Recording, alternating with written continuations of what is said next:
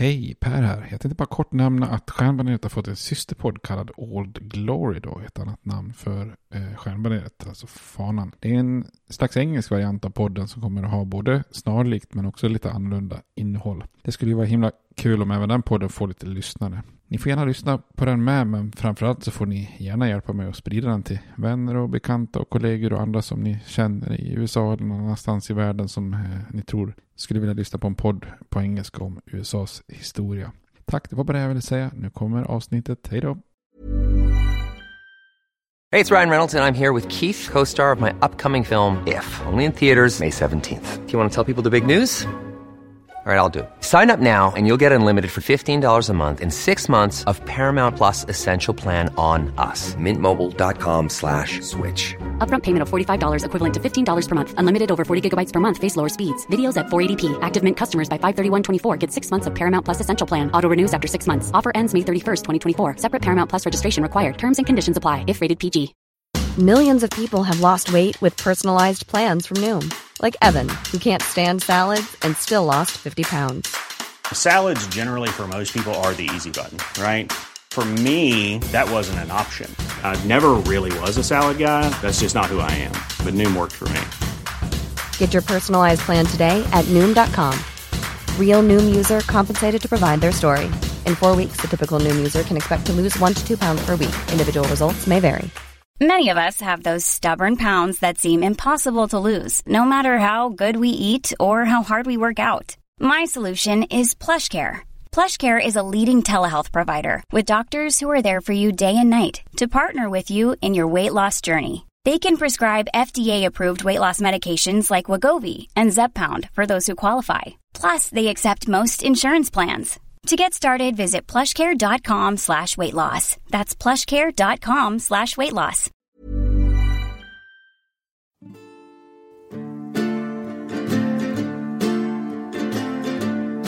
We hold these truths to be self-evident, that all men are created equal, that they are endowed by their Creator with certain unalienable rights, that among these are life, liberty, and the pursuit of happiness. Now we are engaged in a great civil war, testing that government of the people, by the people, for the people, shall not perish from the earth. And so, my fellow Americans, ask not what your country can do for you, ask what you can do for your country. I have a dream. My four little children will one day live in a nation where they will not be judged by the color of their skin, but by the content of their character. Mr. Gorbachev, tear down this wall. I did not have sexual relations with that woman, Miss Lewinsky. Hej och välkommen till Stjärnbaneret, en podcast om USAs historia med mig Per Fjärdingby. Eh, där vi eh, i översiktsserien har kommit fram till 60-talet. Eh, så i förra avsnittet så pratade vi bland annat om presidentvalet 1960 och John F Kennedy. Och ehm, Eh, hur många hoppades på att det skulle bli en ny era för landet och, och såg på hopp om framtiden. Och vi såg också lite grann hur Kennedy jobbade på inrikesfronten med att få igång ekonomin och eh, kanske hade lite problem med att få igenom en del liberala reformer i övrigt när det gäller inrikespolitiken. Då. Idag tänkte jag att vi skulle se hur det går för Kennedy i utrikespolitiken och kalla kriget som ju fortfarande är i allra högsta grad eh, relevant. Kör mina stolpmanus så brukar det stå med först öl eh, och så brukar jag lägga in någon ölstil här. Eh, jag inser dock att jag i princip har gått igenom mer eller mindre alla ölstilar. Eh, givetvis lite grann hur man delar in då vilken stilguide man följer och så vidare då. När vi började den här podden en gång i tiden eh, med jag och Robert så tyckte det var kul att hitta någon öl som kopplar an till ämnet eller historien på något sätt eftersom vi båda hade ett ölintresse. Eh, när det började sina lite på idéer där så föreslog Robert att vi skulle gå igenom olika ölstilar och eh, jag fortsatte med det här eh, förutom vissa uppehåll även när jag eh, gjorde podden sen jag började göra podden själv då. Eh, men det känns lite som att jag gått i mål nu. Mm, jag tror ju som sagt att jag har gått igenom de flesta stilar beroende på vilken, vilken guide man utgår ifrån. Då. De här inslagen har ju varit lite av en vattendelare. Några av er har ju eh, liksom säkert regelbundet bara hoppat fram och skippat och tyckt att det inte alls är bra. Men det är också väldigt många som har eh, uppskattat det här och tackat för tipsen och lärdomarna och hängt med i rekommendationerna. Och jag hoppas att ni är eh, ett antal som har fått upp ögonen för hur otroligt varierat eh, öl kan vara. Eh, att bara dricka ljuslager är ju lite som att man bara skulle dricka tysk Riesling när det gäller vin. Och beställa en stor stark, det är ju liksom lite, nästan lika tråkigt som att gå ut och bara säga att jag vill ha lite mat när man går på restaurangen. Då. Eh, en liten stjärna i kanten måste jag ändå ge Mattias Axelsson som vid flera tillfällen bidragit med kort där han faktiskt dricker själva öltipset när han lyssnar. Det tycker jag är, det är lite av världsklass. Alltså, vill jag ha mer historia av olika slag eller fler poddtips så, så sök på eh, Mattias Axelsson. Han är en riktig superpoddare. Han gör ju både kungar och krig och en svensk historia. Men gör ju också en hel del om lokal historia i Göteborg och så vidare. Eh, Robert som var med tidigare, han gick ju dessutom en bryggutbildning och har ju sedan dess gått vidare och startat ett bryggeri som heter Casual Brewing. Eh, de har faktiskt för andra gången här precis kommit ut med sin Schwarzbier igen som är ett samarbete med, med Vega. Så missa inte att beställa några burkar av eh, den ölen då. Ett grymt fint svart lageröl då. Ni som minns Schwarzbier avsnittet vet ju att det är god frisk lageröl men samtidigt väldigt mörk med lite toner av rostade eh, smaker. Så det är en fantastisk öl då. Hur som helst, för stunden så eh, här framöver här så, så eh, kommer det framförallt att bli fokus på bara det historiska då. Så får vi väl se om öl på, på något sätt eller på olika sätt kan göra någon form av comeback här framöver då så att säga.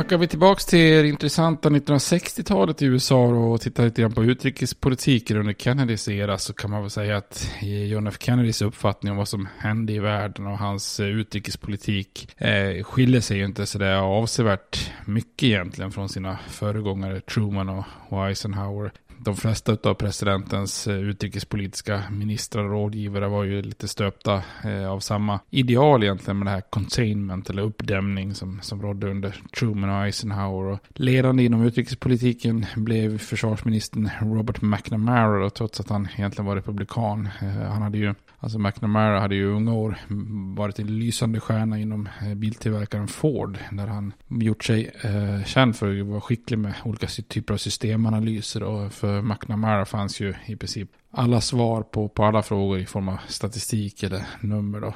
Eh, Även McGeorge Bundy, eh, också han faktiskt republikan, blev nationell säkerhetsrådgivare till, till Kennedy. Och han personifierade kanske det här med, eh, ni minns jag pratade om att Kennedy Eh, omger sig av väldigt mycket unga rådgivare då. En grupp som sen får namnet The Best and the Brightest och, och Bundy han är bara 34 år eh, gammal då hade varit, eller vid 34 års ålder hade han blivit rektor för Harvard då. Eh, Kennedy själv menar liksom att det här var kanske en av de smartaste personerna han någonsin hade lärt känna då. Bundy var ju dock lite för ung för att bli utrikesminister så den rollen gick till Dean Rusk som varit med som assisterande minister redan under Trumans tid då.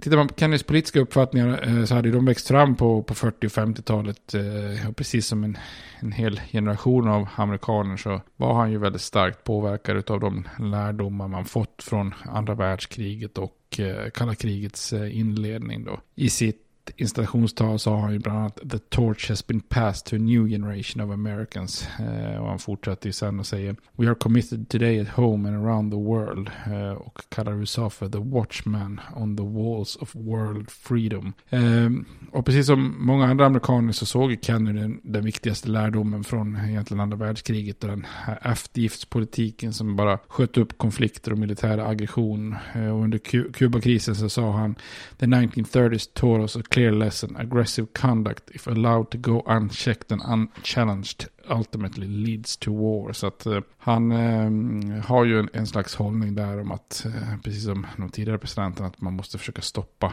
kommunismen då på något vis. Så Kennedy han fortsätter ju i grund och botten syften med den här containment eller uppdämningsfilosofin som Truman hade lagt grunden för den så kallade Truman-doktrinen som sen hade då eh, också omsatts i den här Marshallplanen och, och NATO bland annat. Och, eh, kommunismen skulle helt enkelt hindras från att spridas och sovjetisk aggression på platser över, över hela världen skulle försöka hindras. Eh, Kennedy-administrationen fortsatte på den här inslagna banan eh, som de tidigare presidenterna också hade gjort att lite grann så här ibland felaktigt tro att varenda händelse som utspelar sig i världen, att den måste ju på ett eller annat sätt vara iscensatt eller påverkad från Kreml i, i Moskva och så att säga, fast den ibland kanske inte egentligen eh, var så, men man, man såg att eh, man trodde alltid att eh, Moskva lurade bakom scenen liksom.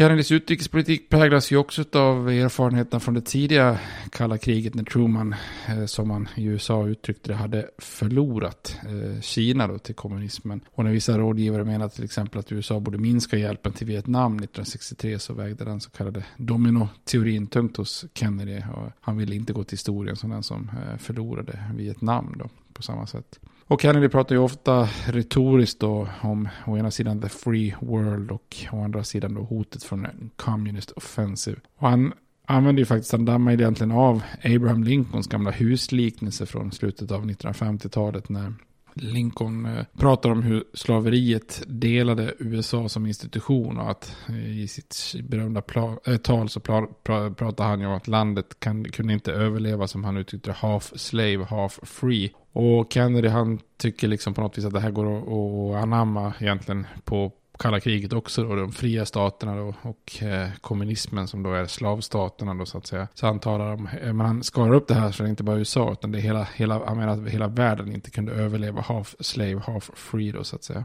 Så på många sätt kan man säga att grunden i USAs utrikespolitiska hållning under, under kalla kriget redan fanns på plats och, och Kennedy fortsatte på många, eh, många aspekter på samma bana då.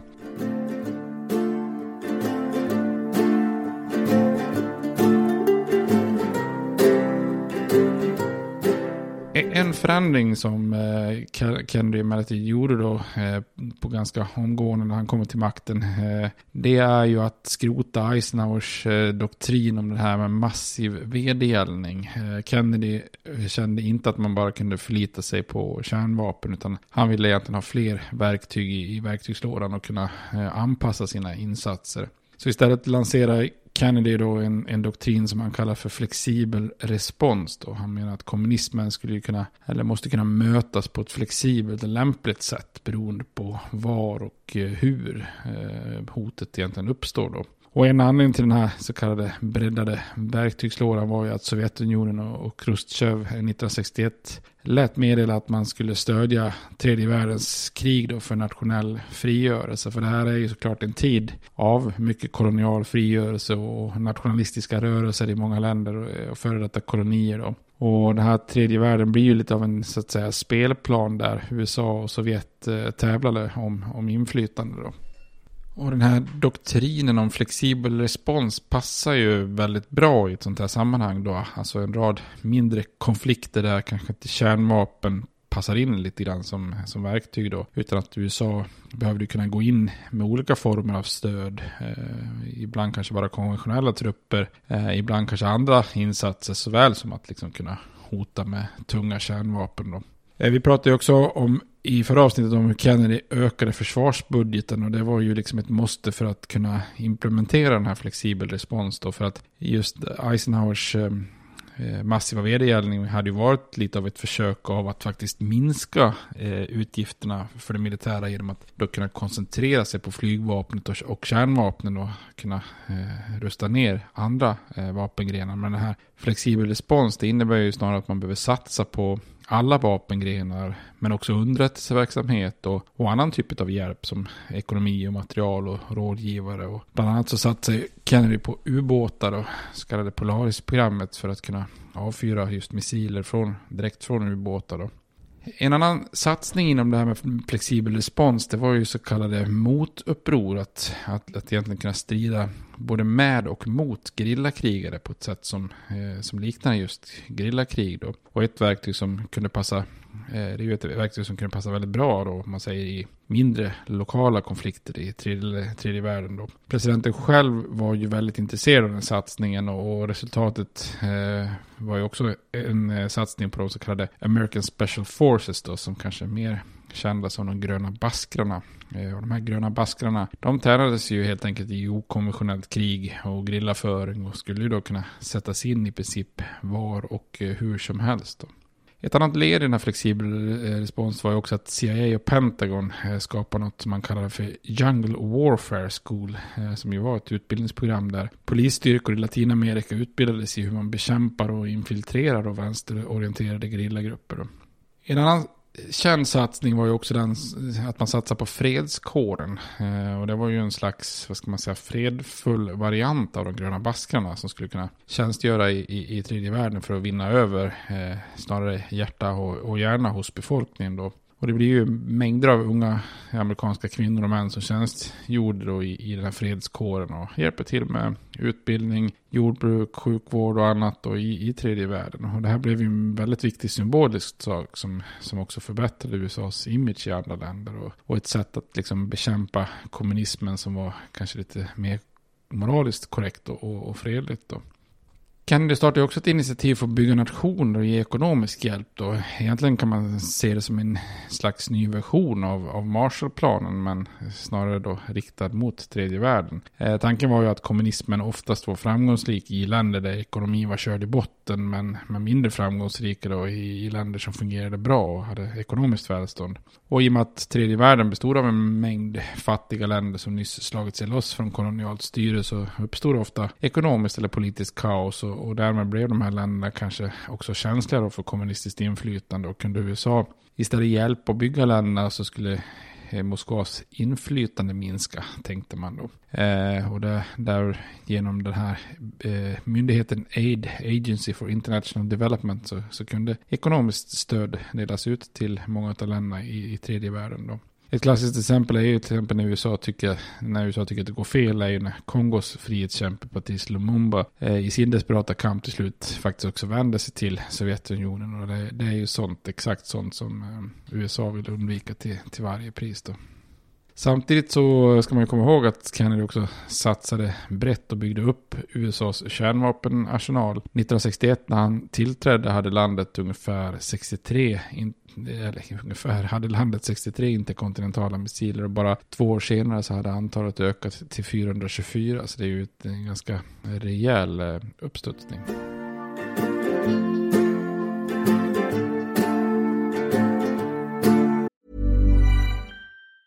Hey, it's Ryan Reynolds and I'm here with Keith, co-star of my upcoming film If, only in theaters May 17th. Do you want to tell people the big news?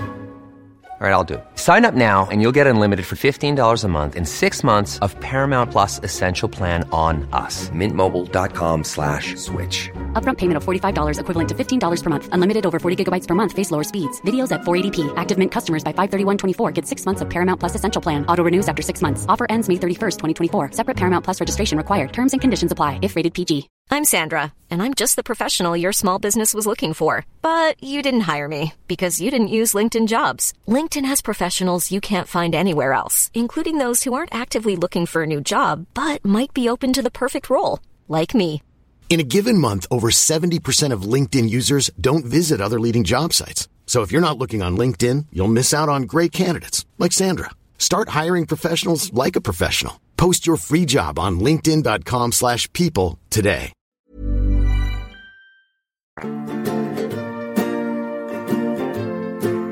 Man kan väl säga att Kennedy hamnade ju verkligen mitt i kalla krigets eh, centrum eh, direkt när han tillträdde då. Eh, på hans skrivbord fanns en plan som Eisenhower-administrationen och CIA hade arbetat fram då. Och det här är ju faktiskt, eh, det här, till, det här påminner ju om hans, eh, här, referensen till Abraham Lincoln. Eh, Lincoln, när han tillträdde så ligger ju en, ett dokument från Fort Sumter som, som är där, där kriget, inbördeskriget bryter ut. Så att det problemet ligger liksom och väntar på skrivbordet när man tillträder som president. Den här planen som väntade på Kennedy då, tanken var ju då att man skulle ge stöd till anti-Castro-kubaner i en eh, invasion av Kuba. Och resultatet av det här blev ju det stora fiaskot som kallas för Grisbuktsinvasionen då. Kuba var ju såklart en hyperkänslig fråga och jag har pratat om det här tidigare. Ön hade ju haft väldigt nära relationer med USA efter spanska-amerikanska kriget. Men det blev ju inte en del av USA på samma sätt som till exempelvis Puerto Rico eller Filippinerna. Geografiskt så är det ju väl, verkligen inte långt till Florida. Så att det här är ju sannoliken liksom då USAs bakgård. Och om Sovjetunionen fick inflytande på Kuba via Castro och kommunism så skulle USA vara, eh, vara egentligen mer sårbart än någonsin innan nästan. Grisbuktsinvasionen var ju Kennedys första riktiga utrikespolitiska beslut och även, även hans värsta då. Eh, han kom ju lite lindrigt undan själv utifrån bilden av att han egentligen bara fullföljde en plan vars boll redan satts i rullning av sin föregångare då. Men Kennedy hade ju redan under presidentkampanjen förespråkat hjälp till exilkubaner och Castro-kritiker och, och lovat, dem, lovat dem hjälp med att kasta omkull eh, Castros styre på Kuba. Och även om man inte visste om att CIA tränade en invasionsstyrka av exilkubaner förrän han kom till Vita huset så gav han planen sitt fulla och entusiastiska stöd och beslutet att ge grönt ljus. Det är ju Kennedys eget och ingen annans då. Eh, verkar som att Kennedy såg planen som ett tillfälle att visa världen att han var en, en tuff ledare som inte backade i kampen mot kommunismen då. Eh, men Kennedy gör ju lite misstag. Han lämnar ju kontrollen över hela operationen till CIA och är ju någonting som han aldrig skulle göra mer utan se till att vara betydligt mer personligt informerad och involverad i, i händelsernas centrum då. Och den här grisbuktsinvasionen blev ju en katastrof då. För det första så var ju inte operationen särskilt, särskilt hemlig då. Amerikansk liksom involvering och, och planerna har ju, hade ju då läckt till, eh, till tidningar, bland annat New York Times då. Och när den här operationen startade i, i april 1960 så, så går det ju väldigt dåligt då. Eh, det började med att sex gamla B-26-plan eh, då bombade tre kubanska flygfält. Eh, två dagar senare då tanken att genomföra en landsättning av exilkubaner i den här eh, grisbukten då. Men Castro han var ju väl förvarnad och hade full koll på vart de skulle landsättas. Och han hade flera tusen trupper i närheten och ett 50-tal sovjetiska stridsvagnar till hans. Eh, och USA gjorde ju flera uttalanden i, i press och till FN och till Sovjet, Sovjetunionen där man garanterade att man inte skulle involvera sig då. Eh, det amerikanska skeppet Essex befann sig ju i närheten men ingrep ju aldrig då. Och den här invasionsstyrkan till slut hade ju inte skuggan av en eh, chans då. Så 68 dödas och runt 1200 man tillfångatogs och fängslades av eh, Castro då. Eh, I efterhand lär ju Kennedy ha sagt How could I have been so stupid to let them go ahead då. Eh, planeringen hade varit eh, ytterst bristfällig då. Och en väldigt central del av planen byggde ju på att invasionen skulle starta någon slags massuppror på ön då. Bland kubaner som kunde avsätta Castro. Och något sånt här var ju inte ens i, i närheten av, av att inträffa då. Utan istället gjorde ju kanske snarare Grisbuktsinvasionen Castro mer populär bland många grupper på, på Kuba då. Eh, och hans ekonomiska politik som var byggd på marxist-leninistiska principer som man sa fick eh, helt enkelt större stöd efter det här. Då. Och den här händelsen drev ju också Castro närmare Sovjetunionen eh, för att, för att få skydd. Då. Så att eh, det här misslyckandet i Grisbukten dessutom fördömdes över stora delar av världen och USA tappar ju en del anseende i Latinamerika. Och även om Kennedy som sagt på många sätt slapp undan ansvaret i opinionen så var ju händelsen någonting som skadar honom och hans administration.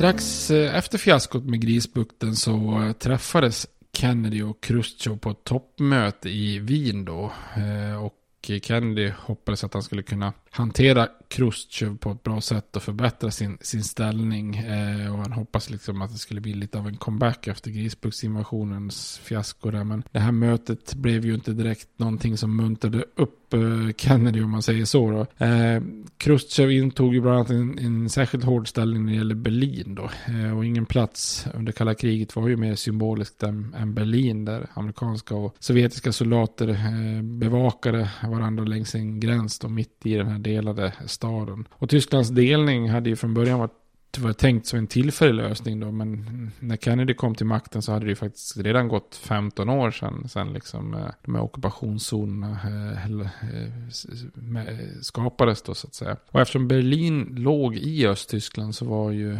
västmakternas alltså och USAs närvaro i Västberlin lite av en nagel i ögat på Moskva då.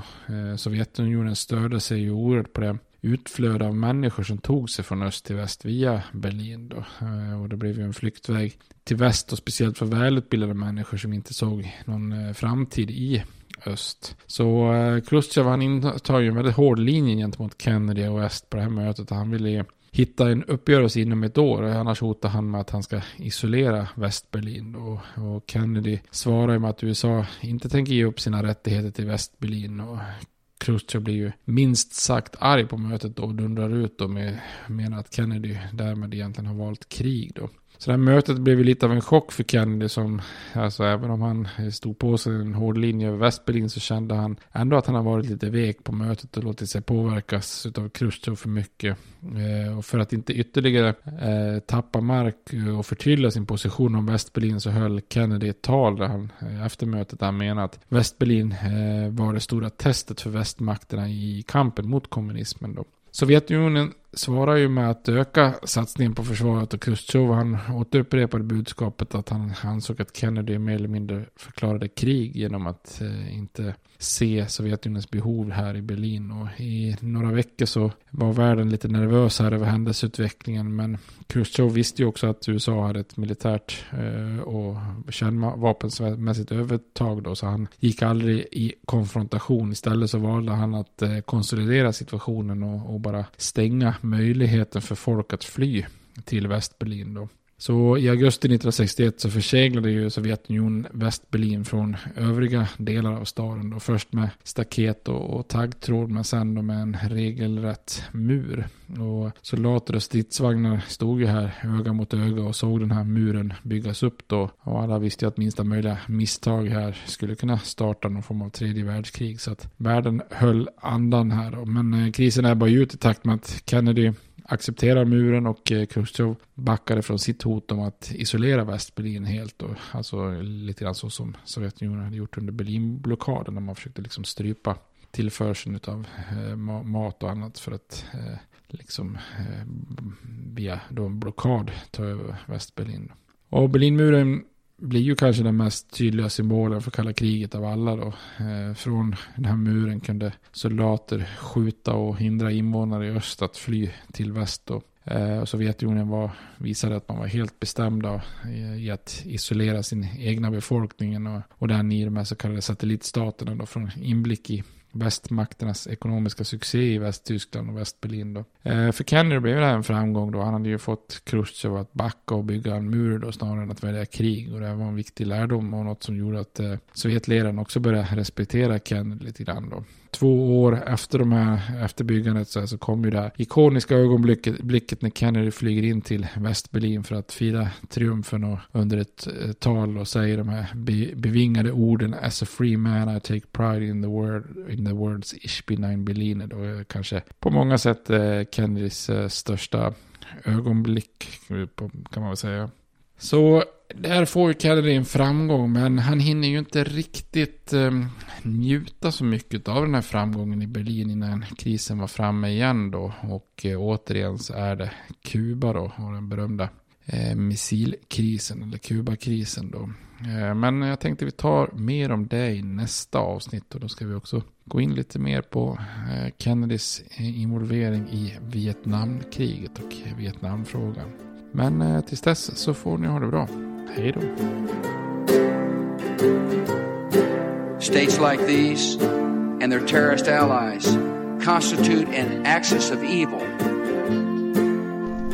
And if the hippies and the yippies and the disruptors of the systems that Washington and Lincoln as presidents brought forth in this country will shut up and work within our free system of government, I will lower my voice. If the impeachment provision in the Constitution of the United States will not reach the offenses charged here, then perhaps that 18th century Constitution should be abandoned to a 20th century paper shredder. Therefore, I shall resign the presidency effective at noon tomorrow.